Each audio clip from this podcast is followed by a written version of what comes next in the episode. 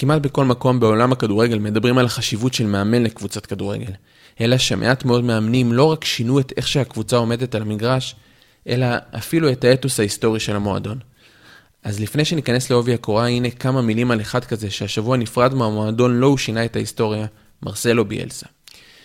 לידס, המועדון שפיטר השבוע את ביאלסה, עלה לגדולה בשנות ה-60 וה-70 בזכות מאמן אחר, דון ריבי, שהפך את לידס לשם גנאי בכדורגל האנגלי. כדורגל פיזי, ציני, כמעט אלים, שבזכותו לידס הפכה לקבוצה החזקה ביותר בכדורגל האנגלי ואחת הגדולות בכדורגל האירופאי. גם בפיק השני של הקבוצה מעיר התעשייה במערב יורקשר, בשנות ה-90, לידס הייתה קודם כל שם לבזבוז כספים משווע וקנייה צינית של כישרונות. מאז הפירוק ב-2004 ועד לפני שנתיים לידס נעה בין הליגה השנייה לשלישית, לא מצליחה לשחזר אפילו במקצת את מה שהייתה פעם הלב הפועם של הכדורגל האנגלי. ואז מאמן שתהילתו כבר מאחוריו ושלל שערוריות שנגררו יחד איתו, הגיעו לקבוצה בליגה השנייה, והצליח לעשות משהו הרבה יותר גדול מלהעלות את ליץ בחזרה לפרמייר ליג לאחר 16 שנים. ליץ של ביאלסה הייתה קבוצה של כישרונות צעירים שעלו לגדולה דרך כדורגל התקפי ולוחץ. כאלה כמו קווין פיליפס, שהפכו משחקני משנה בצ'מפיונשיפ לשחקני נבחרת האנגליה. ביאלסה הפך את ליץ לשם דבר של כדורגל התקפי. וגם אם הסגנון הזה הוביל אותה לתבוסה השבוע לטוטנאם, כמו שתכף נרחיב עליה בפרק, מרסלו ביאלסה לא רק ייזכר כמאמן שהשיב לחיים מול הפרמייר ליג את אחד המועדונים ההיסטוריים בכדורגל האנגלי, אלא גם כמי שהשתיל למועדון DNA חדש. פתיח והתחלנו.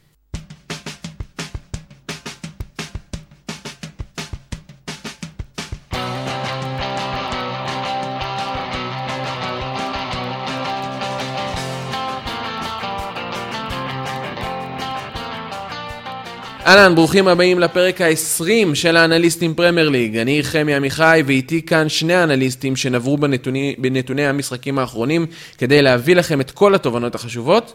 אז בואו נגיד שלום לספק משקאות האנרגיה של לידס, שיפסיד החל מהשבוע הרבה כסף כי ביאלסה הלך, זיו מלאכי. אובדן הכנסה, אובדן הכנסה. נכון, ברגע שהוא הולך, אז הם כזה כמו צניחת כן, סוכר כזאת. זה כמו אה, השפעה הכלכלית של הקורונה לדעתי. כן, הכל קורס. וההוא שאמר רגע לפני הפנדלים לטוחל, בוא תכניס שוער חסר ביטחון שעלה המון כסף ועושה טעויות במאני טיים במקום השחקן הכי טוב שלך הערב, ורק בשביל הפנדלים, מה כבר יכול לקרות? עידו ליאון. חילוף מנצח. איזה עצת כן. אחיתופל, איזה עצת אחיתופל. לגמרי. אז לפני שנתחיל, אנחנו נגיד שכמובן נשמח לראות אתכם בקבוצת הפייסבוק שלנו, בדף הטוויטר שלנו, שלהם קוראים האנליסטים פרמייר ליג. חפשו אותנו שם, נשמח לתגובות על הפרק, רעיונות לפינות, משחקים לדבר עליהם, דברו איתנו, נשמח לדבר איתכם שם. חבר'ה, תגידו לנו מה מה דעתכם, ועל מה אתם רוצים שנדבר גם, זה יעזור לכוון אותנו. נכון, יאללה, נכון בראש. מאוד. אז יאללה, אז היום, לכבוד הפרק ה-20, בפעם הראשונה אנחנו הולכים לדבר על אה, משחק שהוא לא מהפרמייר ליג, אה, גמר גביע הליגה, ליברפול וצ'לסי, אה, 0-0, אה, אבל עם הרבה מאוד הזדמנויות והרבה מאוד דברים לדבר עליהם. אה, אז בואו נתחיל. זה בדיוק נאמר 0-0 רב שערים. כן, לגמרי. זה הביטוי.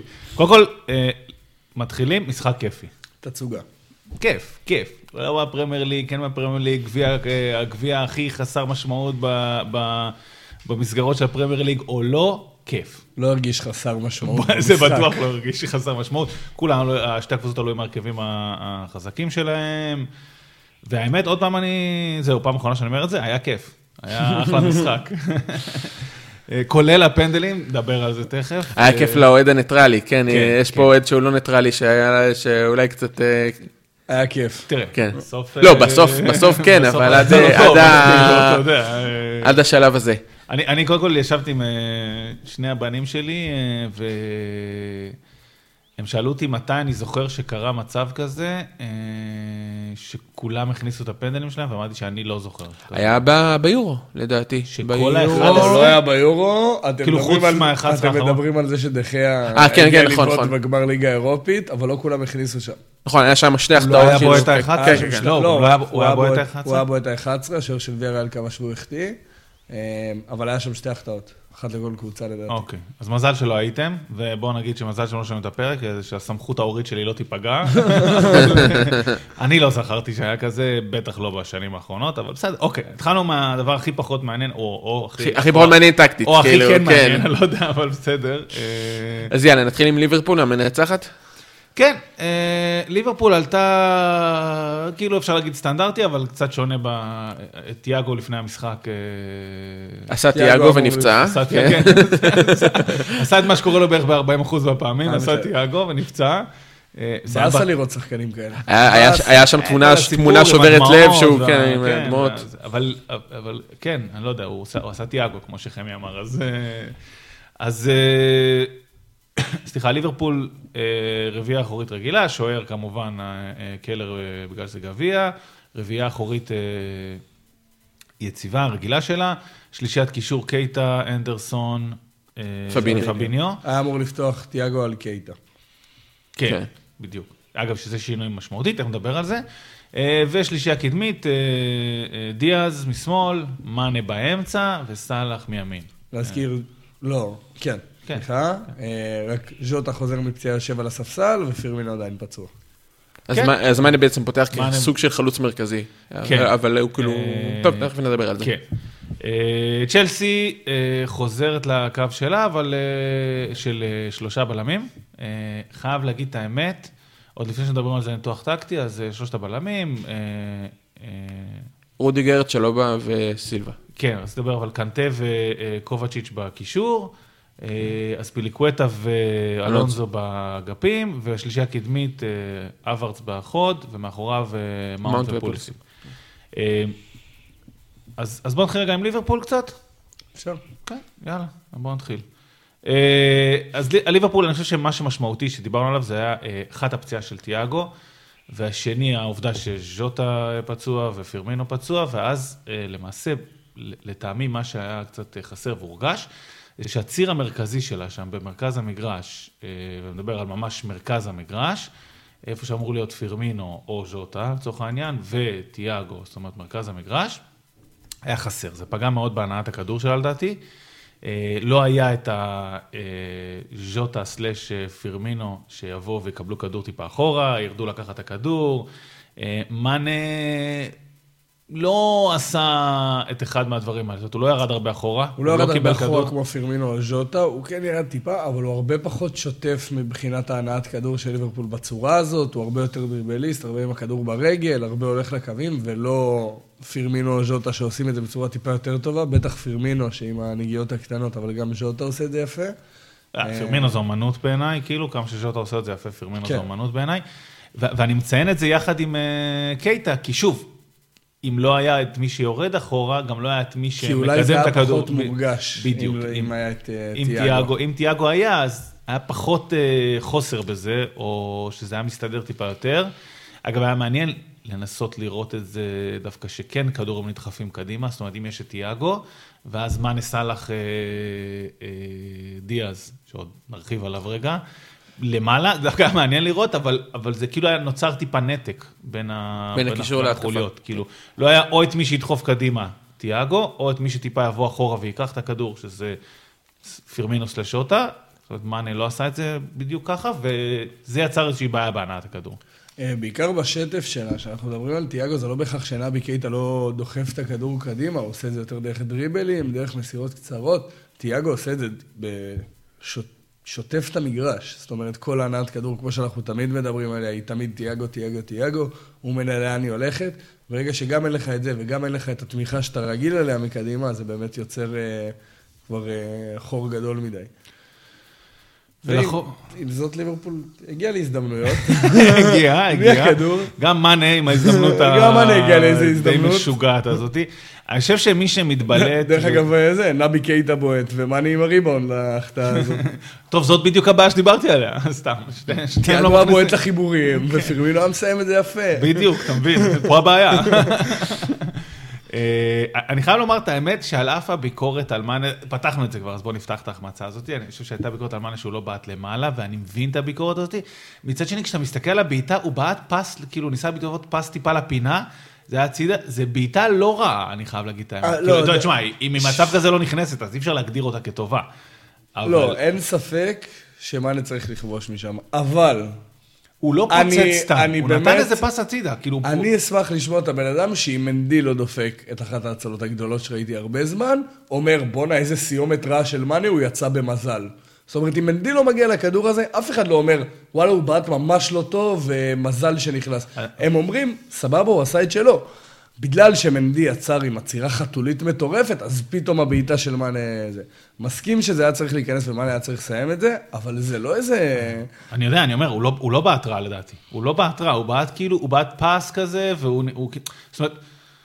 כדור. חזק לפינה, כן, זה לא היה. סתם כאילו שהוא פוצץ בלי קשר, הוא כאילו בא עם כוונה מסוימת, אבל בסדר, אוקיי. בוא זה- נגיד, בסוף גם, אם, זה לא גם אם. אתה מפוצץ בלי קשר, זה יחסית מה שאתה מכוון אליו. יחסית, אה, מנדי צריך לתת טוב, אולי למעלה הוא היה. צריך, אבל כן.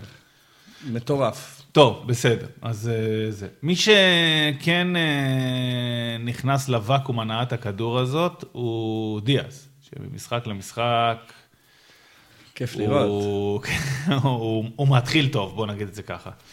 הרבה עבודה שלו באגף שמאל.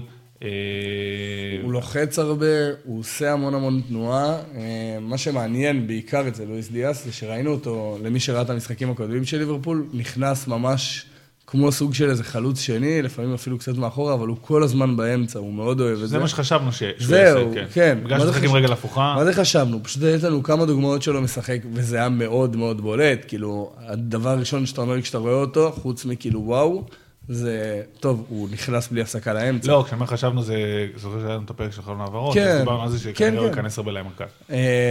ופתאום הוא עשה תנועה שונה קצת. אה, אז אה, אנחנו עוד נדבר על המערך של צ'לסי ו- ולמה וכל מה שנובע מזה, אבל בעיקרון, נגד המערך של צ'לסי של השלושה בלמים, אה, משחקים לקווים, למצוא את החור בין הבלם למגן, ולואיס דיאס לא הפסיק לעשות תנועה לעומק לקו, ועם הכדור ניסה להיכנס מהקו לאמצע, להכניס כדורים, לאיים, ראינו אותו ככה מגיע לאחד על אחד, ראינו אותו ככה יוצר הרבה מצבים, עושה את זה כל הזמן, ראינו את ונדייק מחלק המון כדורים לשם, אה, שאנחנו תמיד יודעים שלוונדייק יש כתובת, לרוב היא סאלח, ונראה שדווקא מן העומס עבר לדיאז בצד שמאל, אה, של מבחינת הכדורים הארוכים והניסיונות לשחק מהר ועל הקו, אה, וסאלח יותר ניסה, ניסו לשחק אליו לרגל, שזה היה מעניין ממש. קודם כל, אני, אני מסכים לגמרי מה שאתה אומר. דבר ראשון, אה, יש לוונדאי כתובת חדשה, אני חושב שהגדרת את זה טוב מאוד. אה, בסדר, זה לא אומר שהוא שוכח את הכתובת הישנה, אבל, יש גם לו עוד כתובת כתובת. בסדר, כן, אתה אומר. די בסדר, אחי, די בסדר. אבל, אבל דווקא במצב כזה שמרגישים, אני חושב שהעומס אה, על סאלח הוא כאילו קצת גדול. אה, גם חזר מאליפות אפריקה, גם מאנה אגב, אבל גם סאלח, ודיאז לקח על עצמו, אני חושב, במשחק הזה, לקח על עצמו. אני חושב שמה שגם ניסית להגיד זה שהוא נצמד לקו, הרבה פעמים הוא, הוא ממש נצמד, וגם כשהוא התחיל את הדריבל, וגם כשהוא דרבל והתחיל את הדריבל, אה, אה, הוא לא אוטומטית נכנס פנימה, אלא עשה את הגיע הדריבל על הקו. לעומק בדיוק, בקו, נכון. וברגע שהוא הגיע לעומק בקו, הוא ניסה או להכניס כדור או להיכנס בדריבל לאמצע. נכון, נכון. אה, עוד פעם, אנחנו נדבר על זה רגע למה זה, למה זה חשוב מול צ'לסי, אבל, אבל זה אה, בהחלט אה, קרה, וזה היה קצת שינוי ממה שראינו ממנו עד עכשיו, זה בטוח. אה, עוד דבר שראינו, אוקיי, זה לא משהו חדש, אבל טרנט ורוברטסון עולים הרבה. אשכרה. אה, כן, קורה, קורה. אה, טרנט עם תרומה התקפית אה, אה, טובה, אני חושב, אה, חייב להמר. לא, טר- טרנט, המון המון המון מהתרומה ההתקפית שלו דווקא לא קורה כשהוא עולה למעלה, אלא עם הכדורי עומק הבאמת אה, מטורפים שלו. שאתה רואה אותו מקו החצי, מכניס כדור למאנה לנגיחה שם, אתה רואה אותו מכניס לסאלח איזה כמה פעמים. אה, רוברטסון התמקם טיפה אפילו יותר גבוה מטרנט, הייתי אומר, במשחק הזה מבחינת עם הכדור. אה, טרנט פשוט לא מפסיק להכניס כדורים מקו שני, שזה אחד הדברים שהוא עושה יותר טוב. טרנט יצר שני מצבים, אתה יודע מי עוד יצר שני מצבים? רוברט. רוברטסון. אה, הגיוני. אה, אה, האמת, וה- והשלישי שיצר שני מצבים זה סאלח, וזהו, בערך בזה זה נגמר תכף, לא, תכף נראה את זה רגע בעצם. אה, שוב, בעיטות לשער, טרנט עשה את שלו, עשה את מה שצריך לעשות. דבר אחרון, אני חושב שנדבר עליו רגע בהקשר הזה של ליברפול. ליברפול עם הקישור שלה כן באה מוכנה לשלושת הבלמים של צ'לסי וידעה ללחוץ מאוד חזק את הקישור המרכזי של אה, אה, צ'לסי. עשתה את הלחץ הזה על אה, שני, שני השחקני אמצע של, של צ'לסי. אלקנטה וקובצ'יץ'.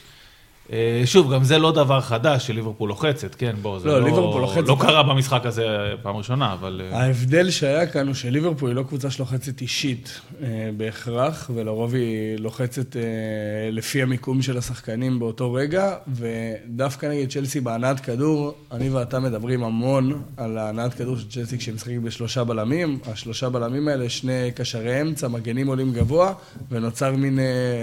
אה, חמישייה של שלושה בלמים ושני קשרים מקדימה שצריכים להניע את הכדור, ומאוד מאוד מתקשים להניע כדור בצורה אחרת במערך הזה.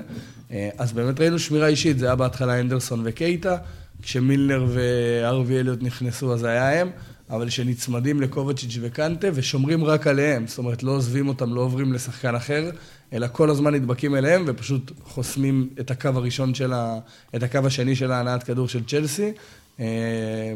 כמו שאנחנו יודעים, מקשה מאוד על צ'לסי ברגע שהקשרים שלה לא מצליחים להתפנות, ולרוב היא לא מוצאת לזה פתרונות. אה, אז בוא נעבור לצ'לסי. כן, כן, יאללה, בוא. עוברים לצ'לסי. אז צ'לסי עלתה עם שלושה בלמים, חזרה לימי התהילה שלה. חייב לומר את האמת, מעבר ל... אה, ניתוחים הטקטיים, למרות שזה כאילו קשור לזה, אבל אה, בתחילת המשחק לפחות, האמת כל המשחק, זה, היא, היא פתאום, אני חושב שהיא כאילו הרגישה טבעית. זה הרגיש שהיא עלתה עם המון ביטחון עצמי, אני חושב. השלושה, המעבר חזרה לשלושה בלמים הזה. לא אומר, אגב, שיטה טובה יותר, פחות טובה, כאילו, פשוט הם, מתר- הם מתרגלים אותה כל העונה, אני- ומשחקים ככה כל העונה, ו, ובעיניי לפחות, לפחות בתחילת המשחק, זה היה נראה מאוד מורגש שהם באים עם כאילו אה, ביטחון עצמי כזה. זה היה ברור לי, בש... זה היה ברור לי בשתי מקומות. שני מקומות. הראשון בהתקפה, החילופי מקום נעשים הרבה יותר טוב במערך הזה. עכשיו עוד פעם, זה עניין של תרגול, אבל לעומת קאי אברץ שאמרנו שמשחק במערך של אה, ארבע בהגנה ופתאום נראה כזה לא קשור, וזה, פתאום כל החילופים נעשים בצורה הרבה יותר טובה, באמת מצליחים ליצור הזדמנויות דרך זה. והדבר השני זה המגנים, שהסגירה של אם אני מקדימה, מי סוגר עליי מהבלמים ואיך אני יוצא, היה מאוד מאוד טוב. זאת אומרת, כן, הסגירה של אה, רודיגר על סאלח ברגע שסאלח מצליח להיכנס אה, בין אלונסו, והסגירה של צ'לובה על לואיס דיאס, ברגע שהוא מצליח למצוא את השטח מאחורי אספיליקואטה. התיאום הזה נראה באמת הרבה נראה יותר טוב. שוטף. היה נראה הרבה פחות מתאמץ. זאת אומרת, זה היה נכון. נראה שלכל אחד ברור מה הוא עושה כאן, היה נראה- ופחות יושב על המגרש וחושב, טוב, אני צריך להיות כאן עכשיו, אני צריך להיות כאן. היה נראה זה טבעי. זה, כן, מה. שאמרתי, היה נראה טבעי וזה זה נתן להם המון ביטחון. אז כן, שלוש, קודם כל שלושה בלמים חזרו, שלושת הבלמים המובילים שלהם, אתה יודע, אתה, יודע, צ'לובה... אה, צ'לובה מהמובילים? כן, כן, כן, אחי. לא, הוא ב- בדרך כלל כשמשחקים שלושה בלמים, אז בדרך כלל נראה לי הוא משחק. עוד פעם, היו פציעות, היו זה, כן. אני לא יודע אם להגיד בדרך כלל, אבל הוא, לא, לא הופיע שם, הוא, לא, לא שיחק הרבה, הוא פתח אבל- הרבה, כן. כן. ההרכב של שלושה בלמים לרוב זה זה באמת רודיגר, תיאגו סילבה וצ'לובה. זה היה... זה- כן, היה איזה משחק אחד שצ'לובה שיחק קישור אחורי, ואז... לא, אה, הייתה שם זה, קצת כן. רכבת. אבל לא, זה היה הרבה, אה, קריסטיאנסן, שם, כן. יש עוד אופציות. אז אה, פיליקואטה שני מגנים. אה, נכון, אז פיליקווטה שיחק שם הרבה, אבל אני חושב שזה בעיקר- בגלל אילוצים. נכון. אז כמו פיליקווטה זה מגן שריס ימני ג'יימס ואלון... חוזר דרך אגב עכשיו. כן, אז פיליקווטה מגן ימני, אלונסו שמאלי, ושוב, על אף שאנחנו לפעמים אומרים שהם לא הכי טבעיים בעמדה שלהם, הם כן נותנים איזשהו משהו מוכר וטבעי בעמדות האלה, ושזה, אני חושב, עוד פעם, זה עזר מאוד אה, אה, לצ'לסי. אה, אז בואו רגע נדבר על זה. קודם כל, גם צ'לסי לחצה גבוה, בתחילת המשחק, אה, מאוד גבוה, ברמה הזאת ש... ואני חייב להגיד, אתה יודע, זה בלי פחד ללכת מול ליברפול, שגם אלונזו בקו שלו, וגם, אה, אה, סליחה, אלונזו בקו שלו, ואספיליקווטה בקו שלו, לוחצים חזק את המגנים. אה, אלונזו לחץ חזק את טרנד כשהכדור הגיע אליו בהנעת הכדור מאחורה, בקו אחורי, בבילדאפים. ממש. אה, שזה כאילו דבר פחות אינטואיטיבי לעשות, כי אז אתה משאיר את סאלח לבד מול בלם, אבל, אבל זה עבד. רודיגר הסתדר עם סאלח, כמו שאמרת, צ'לובה הסתדר עם דיאז more or less, זאת אומרת, דיאז כן עשה את מה שהוא רצה באגף שלו, אבל עדיין הוא לא עבר אותו בצורה בוטה. זה הוא לא- מסוג- לא זה לכיוון מסוג הרחבה. המשחקים כן. בהם לא הרגיש ההגנות במשחק רע, אלא פשוט כשהם מגיעים למצבים זה התעלות של ההתקפה, כי באמת היה המון המון מצבים, אבל זה לא הרגיש כאילו איזה, גם אני לא יצאתי ואמרתי בואנה ליברפול איזה קו הגנה מזעזע, וגם לא אמרתי את זה על צ'לסי, במשחק שבו הגיעו למלא הזדמנויות שתי הקבוצות. כן. ככה שכאילו, זה נכון, זה לא שלואיס דיאז אה, לא הצליח, אבל צ'לובה עשה עבודה טובה. נכון, נכון. וגם, ואני אני גם מסכים מה שאמרת, זה בעיקר גם התיאום הזה ביניהם, זה גם בעיקר, ה... זה היה מאוד ברור מי יוצא למי, עוד פעם, ליברפול ניסתה לשחק על זה, הכדורים הארוכים לאגפים היו שם, וזה מה שאתה אמור לעשות נגד שלושה בלמים שהמגן לא שם, במיוחד שהמגנים יוצאים לחוץ את המגנים שלך, אז זה כאילו הכי טבעי להעביר לשם כדורים, אבל זה עדיין עבד. אגב, בהקשר הזה, גם uh, צ'לסי ניצלה את היציאה של המגנים, והרבה כדורים עפו מאחורי, בעיקר מאחורי אגף ימין של ליברפול, זאת אומרת מאחורי טרנט. Uh, כן. עבר צלח לשם הרבה פעמים שמאלה. ואני חושב שזה עבד טוב, זאת אומרת, הם, הם הניעו את הכדור לשם די הרבה פעמים, בכדורים ארוכים. כן, אז רציתי לדבר על זה באמת, על החילופי מקום האלה שצ'לסי עושה, אז אנחנו מדברים על זה שאבר צמון משחק כשהוא באמצע, משחק עם הגב, אה, מחוץ לרחבה, שעושים את העקיפות, וראינו אותו במשחק הזה עושה קצת משהו שונה. ראינו המון את מייסון מאונט יורד אחורה לקבל את הכדור ולהכניס את הכדורי עומק, ואת האוורץ הולך כל הזמן שמאלה ועושה תנועה לעומק. אה, שם הוא ניסה לקבל את הכדור, ראינו אותו גם כמה פעמים באמת מקבל אותו במצב טוב. אה, אנחנו מכירים אה, שמטרגטים תמיד את הצד שהוא בלי ונדייק, והוא עם טרנד שהמון המון מתמקם גבוה. צריך כל המהלך ההגיוני לעשות, בלי ונדייק. זהו, זה... אני הייתי הולך על זה גם. היה עוד פעם איזו תמונה של לוקאקו מגיע... רגע, יש לי בחירה, אני אתן את הכדור על ונדייק, או על מאטיפ או על גומז. אוקיי. הגיוני בסך הכל. היה עוד פעם, עוד תמונה כזאת... של שחקן שרץ לוונדייק, ואז מחליט, לא, אני לא מנסה, זה היה לוקאקו לדעתי, שרץ אליו באחד על אחד, ואז בשלב מסוים הסתובב, מסר אחורה והלך, כאילו. יש מין תחושה כזאת שלא הולכים עליו, אבל... אה, אגב, לוקאקו, אולי בואו בוא נדבר קצת על השינוי שצ'לסי עשתה מקדימה, אה, שהם בעצם... אז רגע, אני רוצה רגע להגיד כמה דברים לפני. אז קודם כל, דיברת על מאונט, אני אגיד ככה, חוץ מההחמצות המזעזעות שלו, אה, מאנה style, שיחק מאוד טוב בעיניי. קודם כל, דיברת על זה שירד הרבה אחורה, אני חושב שבהנעת הכדור של צ'לסי הוא ייצר הרבה אופציות למסירה. כל הזמן הוא היה בתנועה, הגיע הן ימינה, הן שמאלה, אחורה. תמיד כששחקן של צ'לסי הסתבך טיפה עם הנעת הכדור, אה, מאונט, מה זה תמיד? ו... מאונט היה שם כמעט תמיד אה, לייצר איזושהי אופציית מסירה. איזה double, עלה המון להתקפה, עזר, עובדה הגיע למצבים, תנועה אלכסונית שלו, אגב, פעמיים השאירה אותו לבד, עשה, עשה את ה... את ה אה, אנחנו מדברים הרבה פעמים שלצ'לסי יש את ה link player הזה, זה שמושך מהקישור האחורי קדימה להתקפה. אה, הוא עשה את זה המשחק. והוא היה זה המשחק הזה, בעיניי עשה את זה מצוין. רציתי להוסיף על, על זה באמת, שאנחנו הרבה פעמים מדברים על אנשים שעושים המון תנועה וכאלה, מייסון מאונט עשה המון תנועה לקבל כל הזמן כדור באמת בהנעת כדור, אבל גם הרגיש שהוא מאוד מאוד... מדויק עם המחשבה, זאת אומרת, נכון. הוא כל הזמן נותן את הנגיעה הקטנה, פעם אחת אה, עובר את השחקן, פעם אחת משחרר כדור לעומק, זאת אומרת, מאוד ורסטילי, עושה כל מיני דברים, ולרוב זה מרגיש כמו המהלך הנכון באותו רגע לעשות, גם אם הוא לא עובד. אה, שזה באמת אה, משחק מעולה שלו. אוקיי, okay, דבר אחרון שראוי לציין, קובצ'יץ' שיחק טוב בקישור, העביר הרבה כדורים, על אף שצ'לסי הניע הרבה פעמים בכדורים ארוכים, עדיין קובצ'יץ' הניע יפה קדימה. היה איזה שלב שהוא הסתבך מהלחץ, לדעתי, של ליברפול הפעילה עליו, ואיבד כל מיני כדורים, אבל עדיין, אה, אה, אני חושב שהוא כן אה, עשה את העבודה שלו אה, טוב. לגבי השינוי מחצית שנייה, אה, כאילו פתאום ראינו איזה צ'לסי של תחילת העונה, שכולם קיוו שהיא תהיה, לוקאקו נכנס עם ורנר.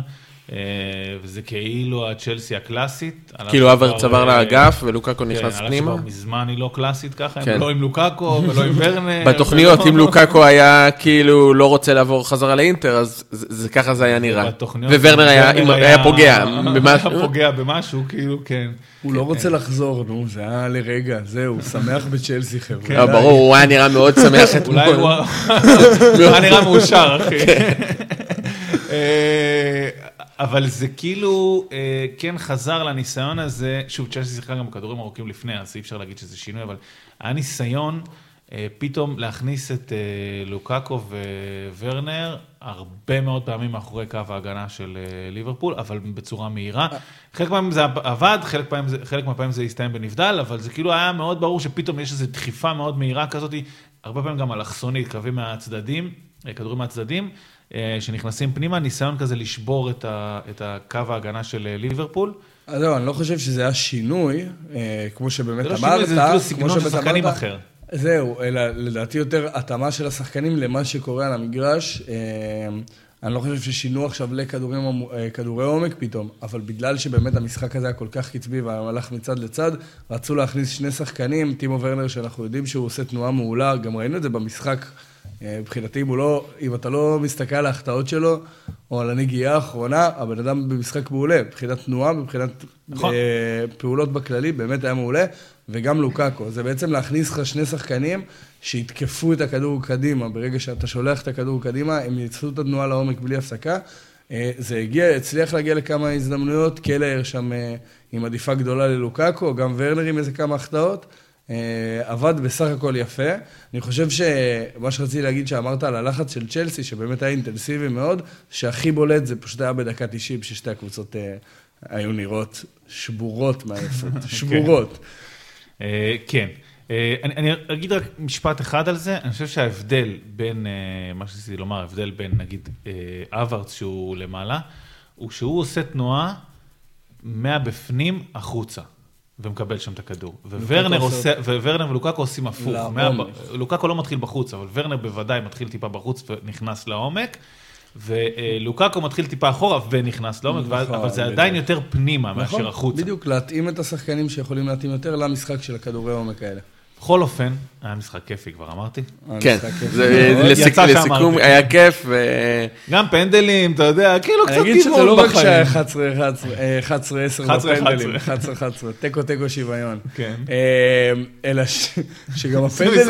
אגב, זה משחק שמעניין לראות אותו משדר אותו.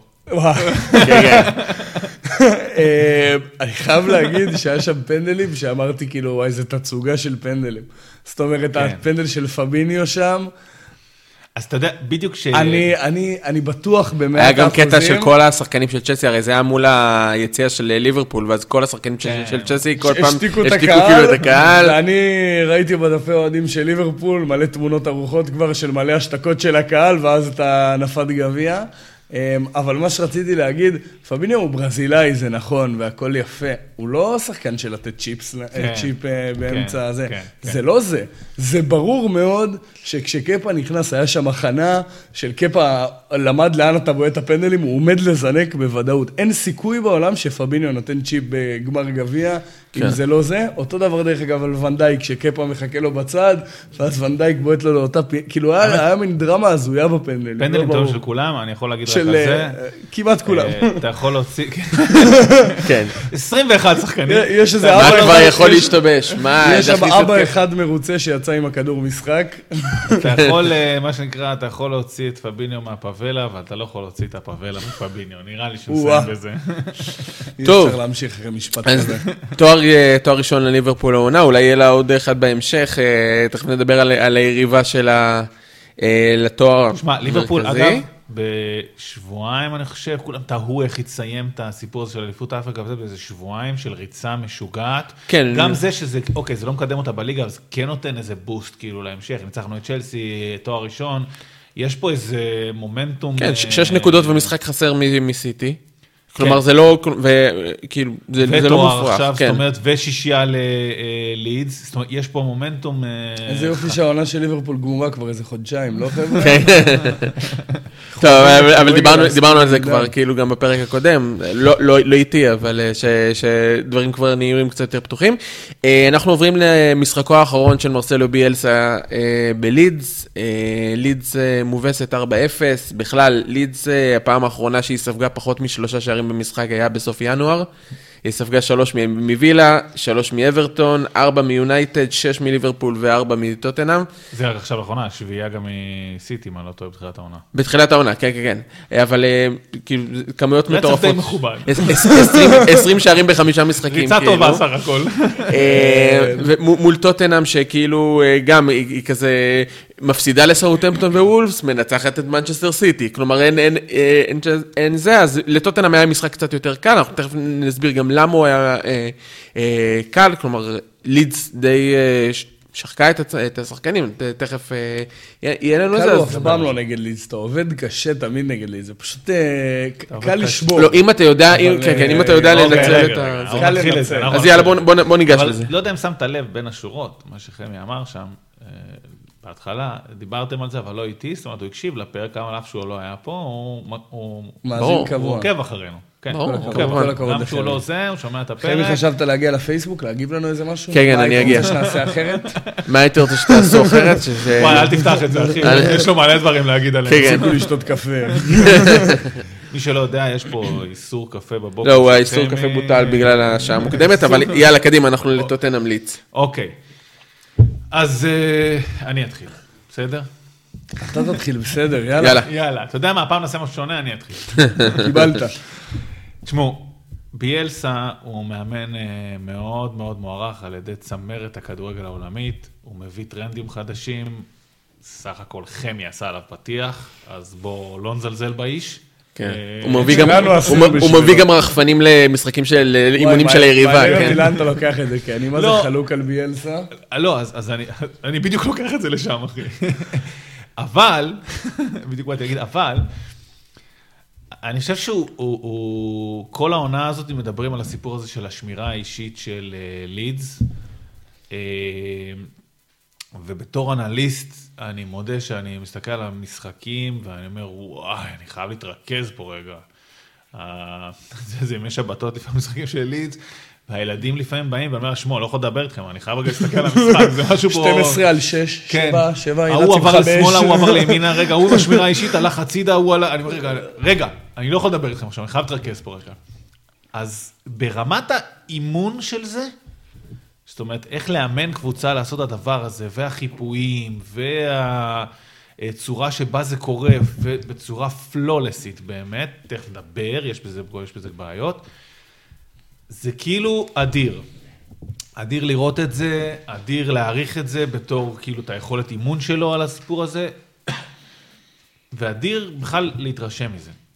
במציאות, ויוצר כדורגל כיפי לצפייה, לאוהד הניטרלי. ואולי גם מביא טרנד חדש, שאולי הוא ניסה משהו, ואחר כך מישהו יבוא ויעשה את זה יותר טוב, ויסדר את זה טיפה. זאת אומרת, לפעמים, אגב, מי שמביא את הטרנד חזרה, הוא דו, לאו דווקא זה שמצליח בו, אלא פתאום מישהו עושה עליו אדפטציה. במציאות, הוא חוטף. שישייה, רביעייה, רביעייה, שישייה, אה, זה, ו... כי, אחד, השמירות האישיות האלה, אה, הם דוגמה קיצונית לאיך בסוף שטח לא מכוסה. כי שחקנים כן, מחפים אחד על השני, אבל פתאום מגן הימני מוצא את עצמו בשמאל, ופתאום הבלם מוצא את עצמו בתור קשר, והקשר האחורי מוצא את עצמו בתור בלם. אני חושב שבסוף נוצר איזשהו אי תהום. אה, תכף נדבר על טוטנאם, כי המומחיות שלה זה לנצל את אני, האי אני חושב תיאום הזה, מעבר אבל... למה שאתה אומר. אני חושב, אני דיברתי איתך על זה, אני לא זוכר אם זה היה בפרק או לא, בתחילת עונה כמעט, על זה שאני לא רואה את לידס לא מתפרקת מול קבוצות גדולות. אני לא זוכר אם אתה זוכר את השיחה הזאת. זוכר, שאמרתי שאני פשוט לא, לא יודע איך זה לא ייגמר בשביעיות, שישיות, חמישיות. והסיבה לזה, זה כל פעם שאתה משחק נגד קבוצה עם איכות התקפית, אתה חייב סדר בהגנה, חייב, חייב, חייב. איך תמיד שומרים את ליברפול לדוגמה? עומדים מאחורה. זה מה שקבוצות עושות. עכשיו, זה נכון שיש הרבה דרכים, אבל להיות כל כך פתוח עם השמירה האישית הזאת, בעצם המאמן היריב בוחר איפה כל שחקן יעמוד בהגנה, זה פחות או יותר, אתה יודע, ברור שזה הרבה יותר עמוק ויש פה הרבה יותר דרכים לחשוב על זה. אבל בסוף, קונטה משחק נגד לידס, קלופ משחק נגד לידס, קלופ בוחר איפה עומד המגן הימני של לידס, לא, לא ביאלסה.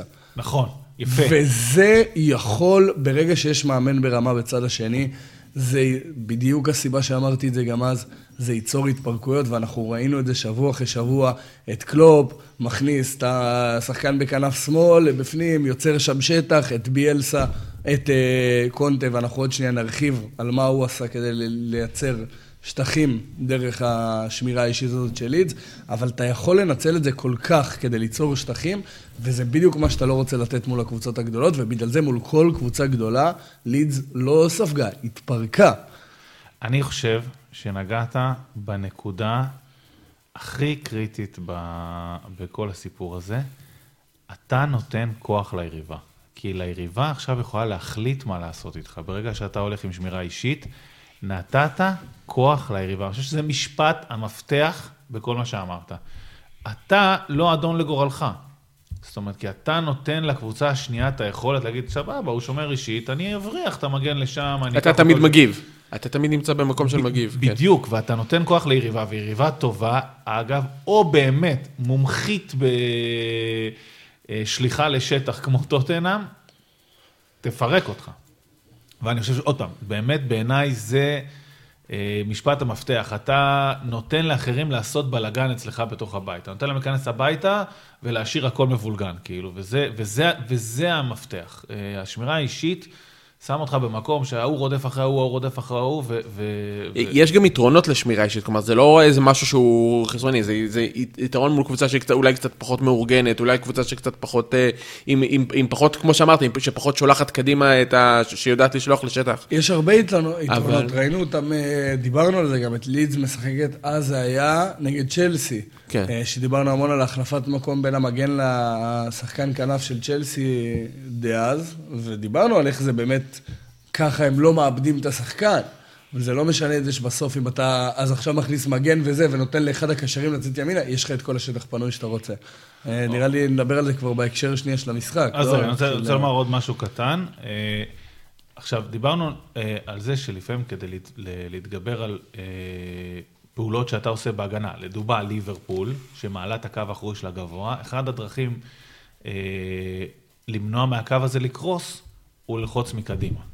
אז לידס עושה אותו דבר, אגב, היא כדי למנוע קריסה של הקו האחורי, לא עובד, ספוילר, אבל לא משנה, היא, היא לוחצת בטירוף קדימה, כי היא אומרת, אוקיי, אני מאחורה קצת בבלאגן עם השמירה האישית הזאתי, אני אלחץ מקדימה כדי לא לאפשר. אז א', הם לוחצים בטירוף, באמת, לי זו קבוצה בין הלוחצות... אה, הכי לוחצות בפרמייר ליג, אני חייב להגיד את האמת. גם הכי טובות בזה. רק המשחק הזה הם עשו אה, כמעט 30 פעולות לחץ, יותר גבוה ב-70% מאשר כל הממוצע העונתי של היריבות של אה, טוטנאם, כמעט הכי גבוה, אני חושב, חוץ מסיטי. שהיא גם לוחצת בסדר. שזה מוביל, אגב, בדיוק את מה שאני אומר, ירידה, זה, זה מוביל את טוטנאם להיכנס פחות לחצי היריבה ולשליש האחרון. זאת אומרת, נגיד טוטנאם, אה, לעומת הממוצע העונתי שלה, נכנסה פחות לחצי היריבה ופחות לשליש האחרון, אגב, שתיהם במספר כמעט דומה, בערך איזה 15-20 אחוז. אז זה כן עוזר לך לדחוף את הקבוצה השנייה קדימה, אחורה, סליחה, קדימה שלך, אחורה שלהם. אה, אבל הבעיה בזה היא שזה יוצר עוד איזושהי בעיה, זה דורש כושר אישי גבוה בטירוף. בטירוף. השחקנים של לידס, אה, מעבר לזה שלפעמים אני כאילו יושב פה ומסתכל ואומר, אוקיי, מי, מי איפה? אני רואה אותם פתאום מתרוצצים בשגעת. ומה הבעיה עם זה? הוצאתי פה שנייה רק את הנתון, ליד זה מקום שלישי בפעולות לחץ מוצלחות. אה, מראה באמת כמה היא לוחצת. אני חייב לעצור את הפודקאסט ומי במקום השני? פעולות לחץ מוצלחות? מוצלחות. טוב, אם אתה אומר את זה, זה לא סיטי וליברפול. זה... וואו. אני, אני בשוק. באמת? מה, ברמה של אה, ברנלי? ברנלי הוא ייתן לנו פתאום. כן, זה ברנלי. כן. אני בשוק, וואו. אה, כן. הוא מגיע להם פרק. שבוע הבא. שבוע הבא. אה, להגיב בפייסבוק, אם אתם רוצים שזה יקרה. בקיצור, אז טוטנאם, אז הלחץ קורה, טוטנאם נכנסת פחות לשליש האחרון, אבל זה דורש כושר אישי, ולמה אני מציין את זה? כי בסוף, בסוף, בסוף, ותכף נדבר על איך זה קרה, אבל ש... אה, מישהו כן עובר את הקו הזה, זה נראה ששחקני ההגנה של אה, לידס תשושים. גם השחקנים בחלק הקדמי וגם השחקני ההגנה תשושים. היו שם כמה גולים, נגיד מול טוטנאם, זה שקולוסבסקי מטייל שם ברחבה, בסדר, נתן בעיטה יפה, הכל סבבה. זה שקיין מקבל כדור ויורנטה, אם אני לא טועה, רץ אחריו בקושי כדי לסגור אותו, לדעתי זה, זה בא מתוך זה, זה בא מתוך זה שהשחקנים האלה תשושים באיזשהו שלב. אתה תמיד ברדיפה, אין בכלל rest defense, אין נכון, את זה. נכון. אה, אז, אז, זה, אז זה המחיר של זה, אבל... אה, זה המחיר האחד, והמחיר השני זה שאתה, כמו שאמרנו, יכול לפנות שטחים, ואפשר לדבר שנייה על טוטנאם. אוקיי, אז בואו נדבר רגע על טוטנאם. טוטנאם ניצלה את זה עד הסוף בצורה מאוד מאוד ברורה ויעילה. אה, מה שהיא עשתה, זה לקחה... אפשר לדבר שנייה על המערך שלהם כן, לפני? כן, בטח, אחי. אז 343, קלאסי, רומרו, דייר, בן דייוויס בהגנה, ארי ווינגס ואויברג בקישור, בן תנקור לא משחק. לפי מה שהבנתי בפציעה, ואני לא סגור על זה. דיברו על זה, דיברו על זה? אוקיי, אני כן. לא שמעתי. אה, ססניון ודוירטי כמגנים, שבאמת דיברנו על זה שהם שני המגנים עם הכביכול יכולות היותר התקפיות אה, של טוטנאם, לעומת אה, ריגלון ואמרסון רויאל. דוירטי אנחנו מכירים מוולף, מגן מאוד מאוד התקפי. אה, ססניון בכלל שחקן כנף, שירד אה, סטייל גארת' בייל, ירד... אה, הפוך כנף בייל. כן, בייל כאילו נכון. התחיל, כן, הוא... כן. אה, לא, האמת שלא הפוך, סליחה, התחיל כמגן שמאלי, הלך לשחק כנף בפולאם, חזר עכשיו להיות מגן שמאלי. אה, הוא התחיל כמגן שמאלי. כן, כן, כן. אוקיי. כשהיה צעיר מאוד. וסון קולוסבסקי מאחורי כן בשלישייה הקדמית. ואז באמת אפשר לדבר על מה שטוטנאם עשתה בפנים, יש לך את זה. אז, אז אני חושב שמה שטוטנאם עשתה, קודם כל המשחק, המערך הזה של ליץ עם השמירות האישיות וזה, הוא כאילו תפור לסיפור הזה של טוטנאם, תפור אה, אגב, כן. תפור. שאני חושב שזה הרבה למה ססניון ודורטי שיחקו באמת. נכון, אז מה, מה שאני מסכים איתך, אה, אגב, אם כבר פותחים את זה, אני מסכים, למרות שהם נתנו גול, ואגב, בישלו עוד, אחד, עוד מצב אדיר אחד לשני, אה, שני המגנים. אני מסכים מה שנמרוד אמר פה שבוע שעבר, אה, אם היו שם שני מגנים ברמה אה, גבוהה יותר, הם היו תופרים יותר בקלות, לא ספציפית רק מולי. כשיש לך את טרנד ורובו זה שישייה. כשיש לך כן, את את דורטי אה, וססניון, אתה כובש רביעייה. רק רביעייה, נראה לי טוטנאם בסדר עם זה. כן, סך הכל בסדר, אבל אני אומר, על אף שזה עבד טוב המשחק הזה, זה כאילו, היה מורגש שיש מצב שאם יש שם שני מגנים שהם טיפה יותר איכותיים, זה, זה יותר טוב. לגמרי. אבל עדיין, זה עבד. אה, אז אני אומר ככה, המערך של טוטנאם בנוי על אה, שלושה בלמים, דיברנו על זה רגע עם צ'לסי, שחקני הכנף, אה, שדיברנו עליהם הרגע, עולים הרבה. למה זה טוב במערך של שמירות אישיות מול לידס? כי מה שקורה זה שבאמצע יש את קיין שם, שיורד, אני מתעלם רגע מחוליית הקישור של טוטנאם, שיורד אחורה, מושך איתו תמיד איזשהו מישהו. דיברנו על זה שבוע שעבר, אגב, יורנטה לרוב. נכון, לרוב זה היה יורנטה. דיברנו על זה שבוע, שעב, שבוע שעבר זה היה מול אה, טוטנאם מול סיטי? לא, לפני שבוע, שבועיים. טוטנאם סיטי היה שבוע שעבר. שבוע שעבר, שאני הבעתי קצת איזו הפתעה שפפ לא סגר את התנועה הזאת של אה, קיין אחורה כדי לקבל כדור. בדיוק באה תמונת המראה של זה. אה, קיין קיבל שומר גם לדרך לשירותים, כמאמר קלישאה, כאילו קיבל תמיד יורנטה. אבל מה שזה כן עושה זה מוציא את הבלם אחד החוצה. קולוסבסקי וסון, אנחנו יודעים שמשחקים הרבה פעמים ב half spaces האלה. אז הם גם קצת התחילו טיפה חיצוניים, משכו טיפה לתוך ה half space. משכו ממש פנימה. השומר שלהם, אגב, שניים מתוך ארבעת הגולים בול כאלה, ועוד שניים משתמשים במתודה הזאת.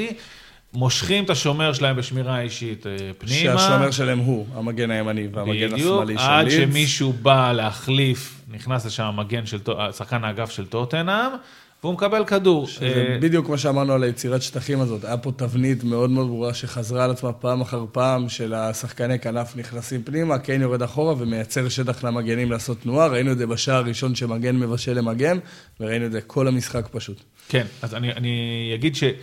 שוב, זה כאילו טוטנאם לא הייתה צריכה להתאמץ, כי זה מה שהיא עושה ממילא. דיברנו על זה שבוע שעבר, שיש להם תרגיל אחד בספר, הלוח בחדר הלבשה לא מרחיק, כן יורד אחורה, מקבל את הכדור, מעיף קדימה או לסון או לקולוסבסקי. פה כן הם כן שינו קצת, כי הוא העיף את זה קדימה, לאו דווקא לסון או לקולוסבסקי, אלא אה, למגנים. אה, וגם כי... יצר ראי- עוד מצב שם לדעתי ל... כן, אצל הרבה מצבים. בואו נראה שנייה. כן, אגב, במשחק מדהים, כדורים כאילו יצר ארבעה מצבים. בכלל, הוא בפורמה מעולה בשבועות האחרונים. כן. חוץ, אם ננתק שנייה את המשחק מול ברלי, הוא כאילו בפורמה מצוינת, נראה שכאילו ממש חוזר לעצמו. חוזר לעצמו בטירוף. אני מדבר על המצב לקראת הסוף שהוא סידר למגן הימני. אה, ודורטי. לא, אה, נראה לי שאמרסון רויאל נכנס אחר כך? לאמרסון רויאל שהחמיץ, הוא נתן לו כדור אדיר, בכל אופן, לא משנה, זאת, ש- השתמש באותה מתודה, סון וקולסבסקי מושכים פנימה, ומאחוריהם בא אמרסון רויאל שנכנס. אה, קיצור, זה, זה די, אה, די עבד אה, באופן טבעי. מה שכן ראוי להגיד, שלדעתי גם סון, אגב, ירד הרבה פעמים אחורה, קיבל כדור. עכשיו, תשמע, זה השמירה... היא- בדיוק מה שדרך אגב רציתי להגיד, ההבדל פה והשינוי, ברור שטודנאם עושה את זה הרבה, והיא פשוט הלכה על זה אפילו יותר מתמיד בגלל השיטה הזאת של לידס, אבל שסון לא בהכרח עשה קיין יורד אחורה וסון עושה תנועה לעומק. גם את סון וגם את קולוסבסקי, ראינו הרבה במרכז גם טיפה מאחורה, רק כדי למשוך את המגן, או לעזור בהנעת כדור, ואז פתחו את השטחים האלה. כן, אבל אני אומר שזה מתאים טיפה, זה מתאים אה, באופן טבעי לטוטנאם, כי גם לא, ככה סון לגמרי, וקולוסבסקי משחקים לגמרי, ב half spaces האלה. מתאים מאוד. סון טיפה שינה, אני חושב, קולוסבסקי פחות. אבל סון טיפה. שינה, ירד אחורה לקבל כדורים, אה, וזה... זה, זה, זה מגיע למצבים קלים. המרת מצבים של טוטנאם, אגב, הייתה 40 אחוז. זאת אומרת, אה, ארבע גולים מתוך עשר, זה, ועוד פעם, היה שם מצב לאמרסון רויאל אה, בסוף, אדיר, ועוד מצבים טובים. זה שלישי הכי גבוה של העונה, השניים האחרים היו אה, מול סיטי וניוקאסל, לא, לא מפתיע, כי מול סיטי דיברנו לפני שבוע שהיא כאילו ניצלה כל מצב, וניוקאסל אני חושב שפשוט היה קל לנצל את זה. אה, 45 אחוז יותר מסירות מפתח מהממוצע העונתי שלה. אה, זאת אומרת, היה קל לחלק מסירות מפתח לשטחים, זה, זה מה שאני בא להגיד.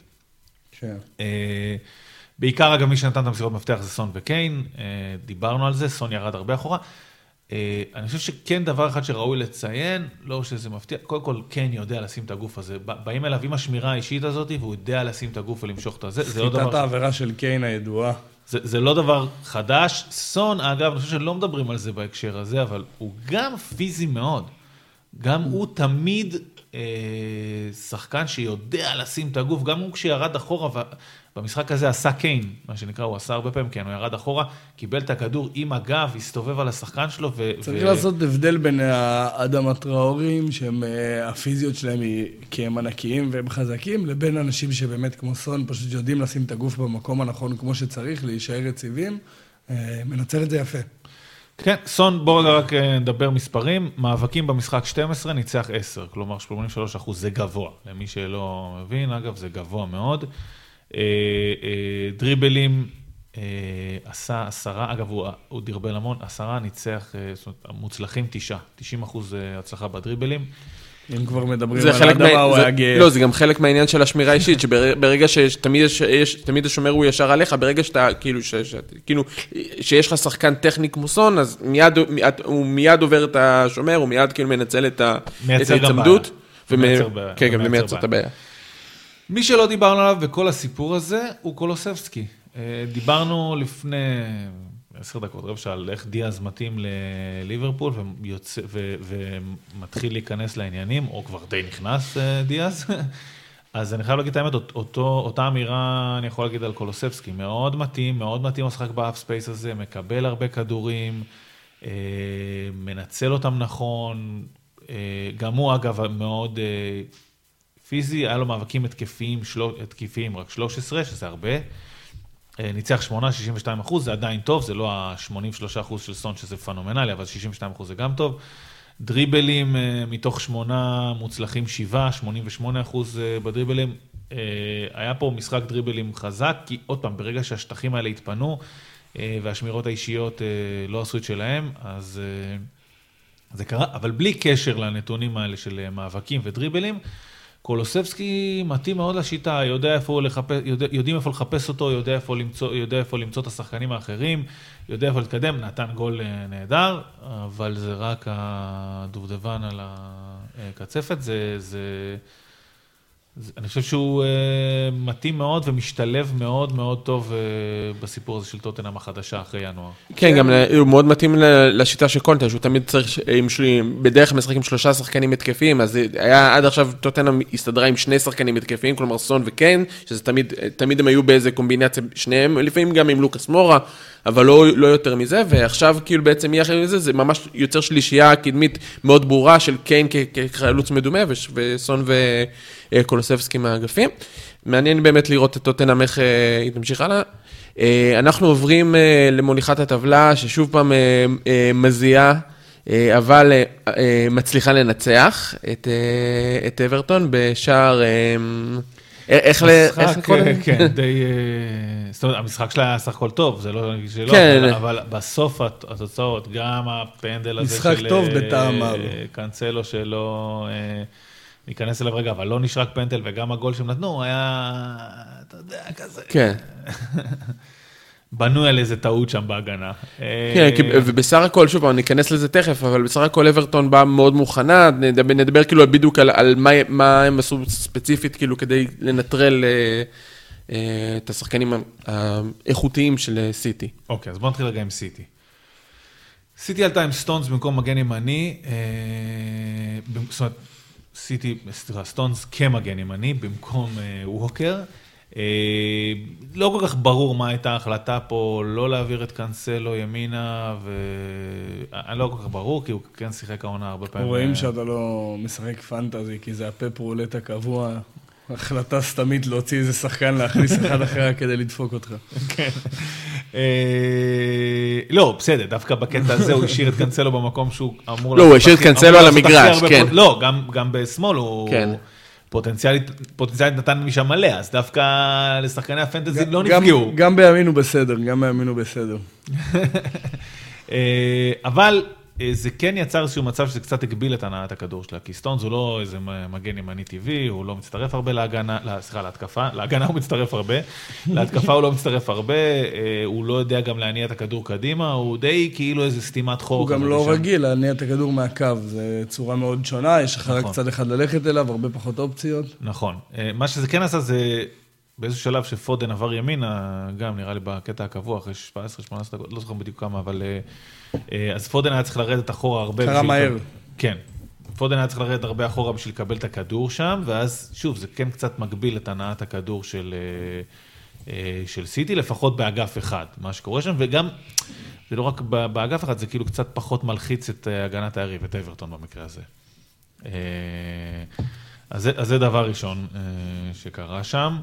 דבר אה, שני, שגם מאוד הגביל את הנעת הכדור, אה, דה בריינה קיבל אה, טיפול צמוד, שמירה אישית על ידי ואן דה ביק. אישית עם איזושהי מגבלה מסוימת, הוא לא, הוא לא באמת, נגיד ש- ש- שדה בריינה ירד ממש אחורה, אז הוא לא הלך איתו, אבל, אבל הרוב הוא... הוא נצבל אליו תמיד, לפני שהוא מקבל את הכדור. בכל הכניסות עומק. כל עוד אבריינה ממש לא בקו של רודרי כדי לקבל כדור, דוני ון דה ביק צמוד אליו, לא עוזב אותו יורד איתו טיפה לשנייה. אחורה, עולה איתו כשהוא עולה תמיד ל half space הזה ליד הרחבה. ביאלסה הגה, צמוד אליו. כן, ביאלסה הגה, כן, לגמרי. אה, אבל ממש שמירה אישית, זה- אני חושב שזו פעם ראשונה שאנחנו רואים את זה. אה, מה שאני זוכר לפחות, העונה, תמיד שומרים את דבריינה, כן? זה לא שזה שחקן לא, אה, שאף אחד לא שם לב אליו והוא חדש על הרדאר, אבל הוא ירד איתו לכל מקום, ממש הרבה פעמים יצר אפילו ואן דה ביק קו חמש בהגנה, נטש את העמדה שלו בקישור כדי אה, לשמור על אה, דבריינה. אה, זה עבד. דבריינה מסר 41 מסירות לעומת 53 בעונתי, שזה 23 אחוז פחות. קיבל פחות מסירות, 36 פחות, לעומת 45 ממוצע עונתי, שזה גם ירידה של טיפה מעל 20 אחוז. זאת אומרת, הוא היה פחות פעיל במשחק, וכל זה, גם אה, סטונס מצד ימין, גם דה בריינה לא פעיל, אה, כן יצר איזושהי בעיה בהנעת הכדור הכללית. קודם כל, וגם שלישיית קישור של אברטון שנרחיב עליה. כן, תכף נרחיב עליה. קודם כל, סיטי עם חמש מסירות מפתח בלבד המשחק הזה, חצי מהממוצע העונתי שלה, ירידה של 50 חמש ניסיונות, מסירה אחת נכון, מדויקת. נכון, נכון, דגש ראוי, חשוב. אה, ועם הרבה יותר דריבלים, כי זה מה שקורה הרבה פעמים כשאתה אה, לא מצליח להניע כדור מסודר, אתה מסתמך על דריבלים, אז אה, עלייה של כמעט 40 אחוז בכמות דריבלים שלה, מהממוצע העונתי, 37 המשחק הזה לעומת אה, 27 ב- בממוצע עונתי. זה מאוד מסתדר לי, כי כשאתה לא מצליח למסור הרבה, אתה צריך להתחיל לעשות דריבלים ולהביא את הדברים האלה משם. וזה דווקא לא משחק שבו יש איזה ברנרדו סילבה בשלישיית קישור, אה, שיש או שחקן דריבליסט כזה בשלישיית קישור שאתה ש- מצפה שזה יעלה, כן. כי לרוב שם מגיע הדריבלים כשאתה לוחצים אותך ו- ואברטון לחצה. אה, המון המון דריבלים, דיברנו על זה עם קובצ'יץ' ועם לוסטוס צ'יקס בצ'לסי שעושים את זה המון, את הדריבלים כדי להשתחרר מהלחץ. אה, ולא היה איזה קשר, זאת אומרת, דה בריינה, גונדוגן, רודרי, זה לא הקשרים שאתה מצפה מהם אה, לעשות דריבלים, ועדיין סיטי הגיע למספרים המאוד גבוהים האלה. אז, אז שים לב, גם מי, מי מדרבל אגב, וזה פותח אחת ההפתעות המעניינות. אז קאנסלו, לא מפתיע, אה, שבעה דריבלים, זה המספר הכי גבוה בקבוצה, אבל הוא שותף לו עם עוד שני שחקנים. אה, פודן עם שבעה דריבלים, גם לא הופתעת, לא נפלת מהכיסא. וואו, עכשיו אני רוצה לנחש, מי אה, ומי האחרון? השלישי עם שבעה? מה, איזה גונדוגן? ג'ון סטונס? יפה, ג'ון סטונס. זה, זה כן בעיניי מדגיש את העובדה שהם לא, יודע, לא ידעו איך להניע כדור, וג'ון סטונס הרבה פעמים על הקו לא ידע מה לעשות, אז הוא פשוט רץ קדימה. אה, כן, זה גם- זה גם עמדה שממנה יוצא הרבה דריבלים, כי לרוב אתה צריך שטח קטן, אתה פשוט רץ על הקו ברגע שיש את ההזדמנות. אה, אבל כן, אה, ג'ון סטונס, מזל טוב. אה, והבא בתור עם חמישה דריבלים, שוב, אגב, כל ניסיונות, ואני חייב לציין, אגב, הרבה מוצלחים. קנסלו עם 6 מתוך 7 זה 86 אחוז, פודן עם 6 מתוך 7 זה גם 86 אחוז. סטונס עם 5 מ-7 זה 71 אחוז, יפה, זה גבוה, מאוד יפה. זה גבוה. מפלצת של דריבלים. מפלצת דריבלים שכמוהו. סילבה, סילבה, שבדרך כלל ציינת אותו, כי אני הייתי בטוח שהוא יהיה ב top, אגב. אה, כן, אבל כחלוץ מדומה פחות. כן, אבל מחצית שנה הוא עבר לימין, תכף נכון. נדבר גם על זה. אה, חמישה דריבלים, שלושה מוצלחים, אה, ורחים סטרלינג. סיטי עם- בכללים. רחים סטרלינג עם שתיים בלבד. כמה כמעט הכי מוצלחים. נמוך, שתיים, אחד מתוך שתיים. כמעט הכי נמוך בקבוצה, אגב, רק לפורט עם- עם יותר נמוך ממנו. יש מצב שסטונס נכנס למאגר של החלוצים המדומים של פפ, ועומד לך לקרות. תדע, אחי. אני לא אתפלא אם... אה, סליחה. אה, אני לא אתפלא אה, אם אדרסון ייכנס לשם, תכף. ברזילאי, אפטר אול. כן. הוא בכל אופן, יעשה יותר טוב כן מג'ון סטונס שם, חייב להגיד. יש מצב אגב. זה כן מביא לידי ביטוי את העובדה שהנעת הכדור לא הייתה כהרגלה, וזה כן הכריח שחקנים לדרבל קדימה. בעיניי זו תוצאה ישירה של הדבר הזה, שמדרבלים קדימה. אז אברטון, בוא נדבר רגע קצת על העמידה ההגנתית שלה, הייתה מאוד מוכנה לסיטי, חייב להגיד את האמת. ואן דה ביק, דיברנו עליו שמירה אישית על, אה, על אה, דה דה בריינה. בריינה, אה, מאוד אגרסיבית בהגנה, הייתה מאוד לוחצת ואגרסיבית, לחץ מאוד גבוה במחצית הראשונה. סיטי איבדה הרבה כדורים בחצי שלה, עלייה של 30% מהממוצע העונתי של סיטי בעיבוד כדורים בחצי שלה? זה הרבה. אה, 25% יותר פעולות לחץ גבוה של אברטון מהממוצע העונתי של היריבות של סיטי. סיט, אה, אברטון באה ללחוץ, לחצה, אני חושב שעוד פעם, מדברים הרבה פעמים על, אה, על דברים שעושים, אז מדברים על שילוב של דברים, אני חושב שהיא לחצה מאוד גבוה אה, כשהיא הייתה יכולה, עם הטריגרים שלה, וירדה מאוד נמוך ונתנה את השמירה האישית הזאת לדה בריינה. אה, הרבה פעמים מאמנים, אנחנו מבינים אותם, הם עושים דברים משלימים, זה לא רק אני לוחץ גבוה, או רק אני אה, עושה איזושהי שמירה אישית, זה שילוב של שני דברים לפי האזור שאתה... אדפטציות, כמו שדיברת עליהן מקודם. וגם לפי האזור שאתה במגרש אה, אה, שבו. אני רוצה לדבר קצת נראה לי על החולת קישור כן, אז- של אז אברטון. אברטון באמת פתחה עם סוג של, דיברנו על זה קצת, אה, אני ואתה, סוג של איזה 4-3-3, אה, מין מערך אסימטרי קצת. אה, אז נדבר באמת על השלישיית קישור שנייה, דוני ון דה ביק, דוקורה ואלן, שלישיית קישור של... אה, פנטסטי שלהם. פשוט, כן, אין הרבה מה להרחיב חוץ מזה שה- שהיו מטורפים. אה, אין הרבה אה, שלישיות קישור שמסתדרות ככה עם ההתקפה של סיטי פעם אחר פעם. ראינו את דוני ון דה ביק שנצמד באופן קבוע ובלי הפסקה לקווין דה בריינה. את אלן, שפשוט היה נמצא בכל מקום וכל הזמן חיפה גם ימינה אם צריך. כי באמת דוני ון דה ביק נצמד לדה בריינה והצד השני הוא דווקא זה שהיה צריך את העזרה לדוקורה. אה, השלישייה הזאת שהחזיקה את הקישור וגם עלתה וידעה בעיקר לדחוף קדימה בלחץ כשצריך, כמו שאתה אומר, ולרדת אחורה, והיא זאת שמין הכווינה את, אה, את אה, כל הלחץ וההגנה של אברטון, הייתה מדהימה. מבחינתי באמת, שדלה עלי נכנס, לא יודע אם שמת לב לזה, פתאום קצת יותר הצליחו להשתחרר בקישור. זה בדיוק מה שבאתי להגיד. אני מסכים איתך לגבי הנקודה, תכף נדבר על שינוי מחצית שנייה, אבל מסכים איתך לגבי הנקודה שהם עשו עבודה מצוינת והם מטורפים, אבל באתי לומר, אה, כוכבית קטנה, הגנתית, מעולים, התקפית. פחות נכון, נכון, דחפו את הקבוצה קדימה, קדימה. וזה מתחבר לי מה שאמרת על דליאלי, אבל, אבל אנחנו תכף נדבר רגע על השינויים כן. במחצית השנייה, אבל הם ואני- עשו עבודת הגנה אדירה, אדירה. אה, ונראה לי הדבר השני במערך של אברטון שאפשר לדבר עליו, גם אתה הזכרת את זה, אה, וזה האסימטריות הזאת שדיברתי עליה, ולמה התלבטנו גם האם זה באמת 4-3-3, אה, ההבדלים בין איוובי לגורדון. כן. אה, גורדון שיחק בשמאל, איוובי שיחק בימין. אה, ראינו את איוובי כל הזמן יורד אחורה, ממש מצטרף לקו של השלישיית קישור הרבה פעמים. אה, כמובן שבצד של איוובי עמד אה, איזה בחור נחמד קנסלו. כן. ובצד השני, בוא היה לך את ג'ון סטונס שפחות דחף קדימה כמו קנסלו. גורדון דווקא יצא יותר קדימה ויצר איזה סוג של משהו שלפעמים נראה כמו 4-4-2 מוזר, שבו אחד החלוצים טיפה יותר שמאלה. כן. מערך אסימטרי מוזר, אבל אברטון התאימה את עצמה מאוד למערך, אני משער שזה שינוי דווקא שקרה ברגע שאברטון, אה, שלמפרד ראה שסטונס פותח כמגן ימני. אה, אבל זה באמת היה יפה לראות, גורדון דחף הרבה יותר קדימה נכון. כשאברטון מגנה, לעומת טיוובי שכל הזמן הלך לחפות על לקנסלו.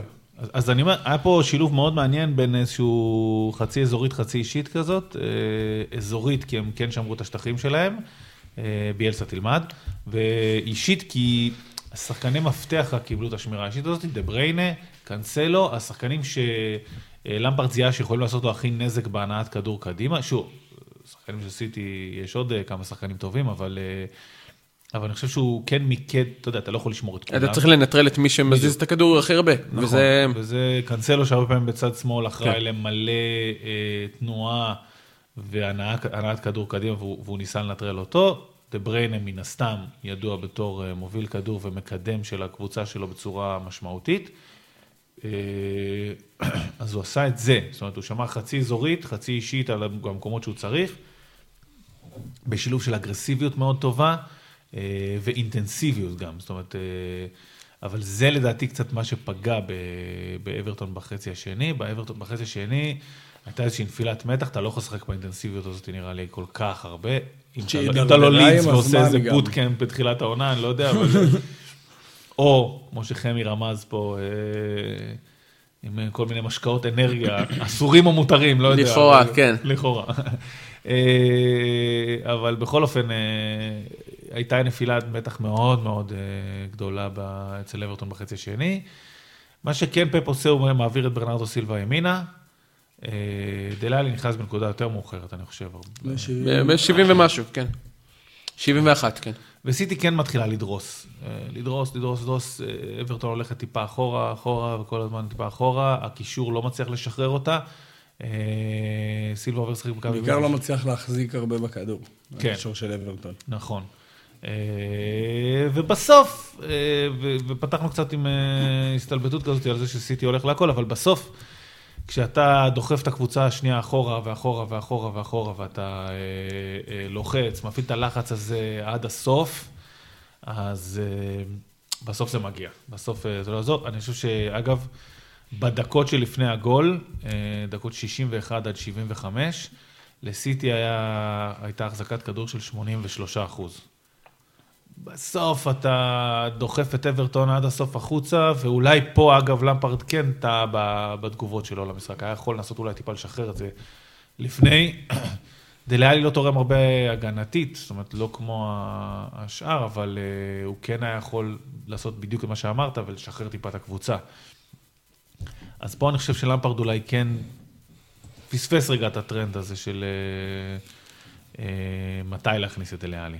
אני אגיד שנייה, ו- ועזוב את דעתי, כי, כי נראה לי שלכולם היא ברורה, אבל שגם טעויות בהגנה, גם פנדלים וכאלה, בסוף אתה צריך לגרום לזה לקרות. נכון. אה, גם ליברפול, אני לא יודע את הסטטיסטיקה, בטוח שיש לה יותר פנדלים מברנלי. האם זה אומר שהשיפוט הוא לטובה? אני לא יודע.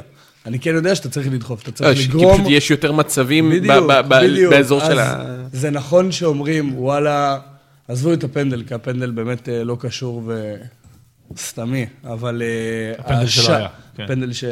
שלא היה, כן. אבל, אה, אבל מבחינת הטעות שם של מייקל קין, זה נכון, זה טעות, זה לא איזה מהלך של סיטי שאתה אומר, וואלה, הדיוק, ההגבהה, אבל, אבל אתה צריך לגרום לזה לקרות. כן, אתה עושה יותר טעויות שאתה יותר אתה עושה בהגנה. את זה מאה כן. פעם במשחק, בסוף יקרה טעות. אה, את זה צריך לדעת להרוויח. כן, תראה, בסוף, עוד פעם אני אומר, בסוף אתה עם אה, 83 אחוזי החזקת כדור, בסדר, זה לא תמיד מדד ומתבטא בזה שיהיה אבל גולים, פה זה מדד. אבל דחפת, דחפת את הקבוצה אחורה, לא יעזור, זה, כן. זה בסוף, זה משמעותי. לגמרי.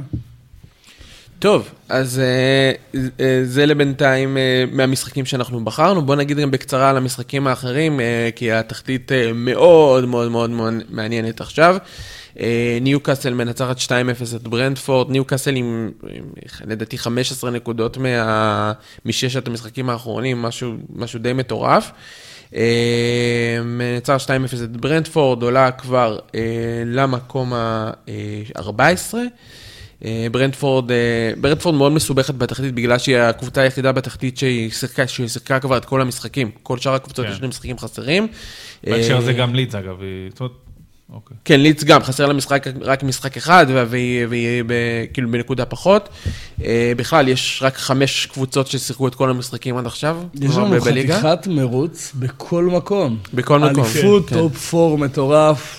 אז. זהו, אז זהו, אז באתי בדיוק, באתי וואו. בדיוק להגיד על ה top 4, תכף, תכף נגיד, אה, קריסטל פלאס עם 1-1 מול ברן, אה, ברנלי, ש, שקצת עולה מהתחתית, וילה מנצחת 2-0 את ברייטון, אה, ווסטהאם מנצחת 1-0 את אה, וולפס, אה, ונצמדת שם ל top, four- ל top 4, ב- בעצם גם ווסטהאם וגם מנצ'סטר יונייטד שנמצאות מקומות 4-5, הם עם, עם, עם מלוא המשחקים, לארסנל חסרים עוד שלושה משחקים והם רק פער של שתי נקודות מיונייטד, כלומר זה מאוד צמוד, טוטנאם גם חסרים לה שני משחקים ו, ולא לא, לא עוד פער גבוה, פער של חמש מיונייטד, כלומר יש שם מאבק מאוד מאוד מאוד מעניין.